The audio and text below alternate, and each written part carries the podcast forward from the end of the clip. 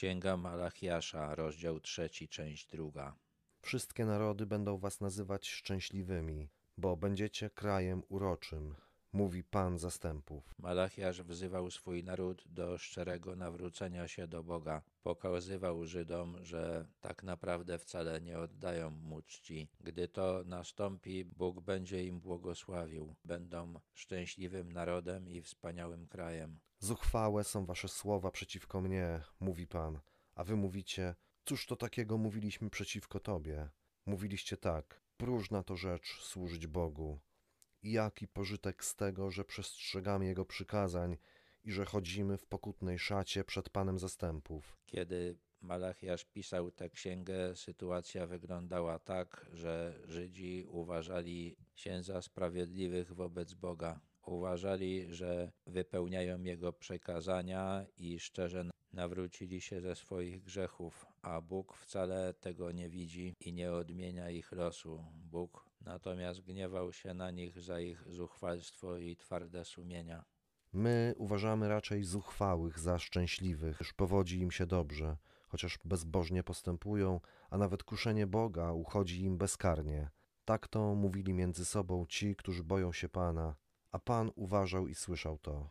I tak została spisana przed nim księga pamiątkowa dla tych, którzy boją się Pana i czczą Jego imię. Byli jednak w narodzie żydowskim ludzie, którzy wiedzieli, co jest dobre, a co złe, widzieli zło u swoich rodaków i mieli pretensje do Boga o to, że nie karze zła tak, jak ono na to zasługuje. Bóg objawił Micheaszowi, że ci ludzie nie zostaną zapomniani, że zostali zapisani w pamiątkowej księdze Boga. Będą moją własnością, mówi Pan zastępu, w dniu, który ja przygotowuję i oszczędzę ich, jak ktoś oszczędza swojego syna, który mu służy. Ta odpłata za zło, której tak pragną ci ludzie, kiedyś nastąpi i Bóg obiecał, że wtedy będą oszczędzeni. Wtedy znowu dostrzeżecie różnicę między sprawiedliwym a bezbożnym, między tym, kto Bogu służy, a tym, kto mu nie służy, bo oto nadchodzi dzień, który pali jak piec. Wtedy wszyscy zuchwali wszyscy, którzy czynili zło, staną się cierniem i spali ich ten nadchodzący dzień, mówi Pan zastępów.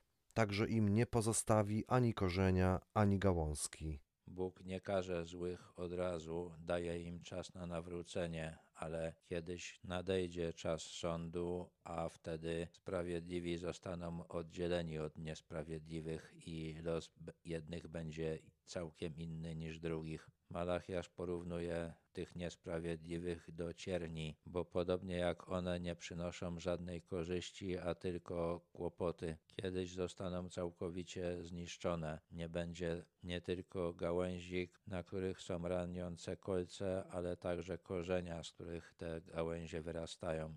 Ale dla was, którzy boicie się mojego imienia, wzejdzie słońce sprawiedliwości z uzdrowieniem na swoich skrzydłach i będziecie wychodzić z podskakiwaniem, jak cielęta wychodzące z obory.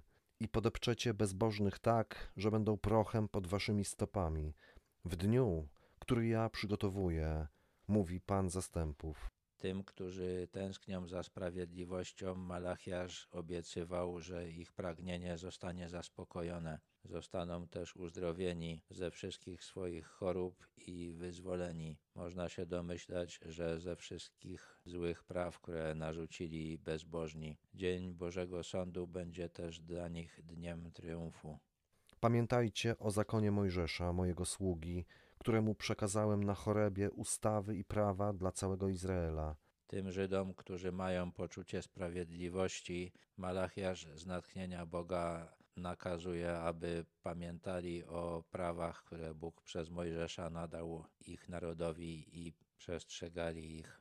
Oto ja poślę wam proroka Eliasza, zanim przyjdzie wielki i straszny dzień Pana i zwróci serca ojców ku synom, a serca synów ku ich ojcom, abym, gdy przyjdę, nie obłożył ziemi klątwą.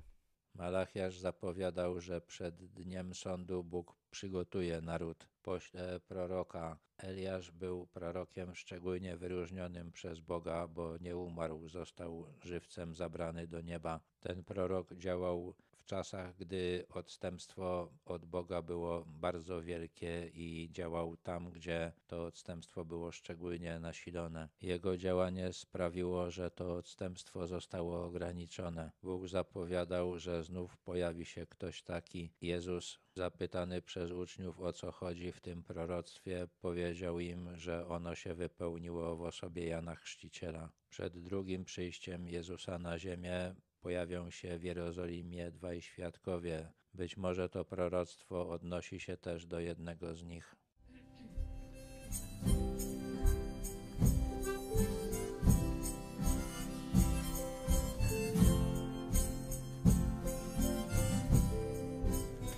Postanowiłem pójść za Jezusem. Postanowiłem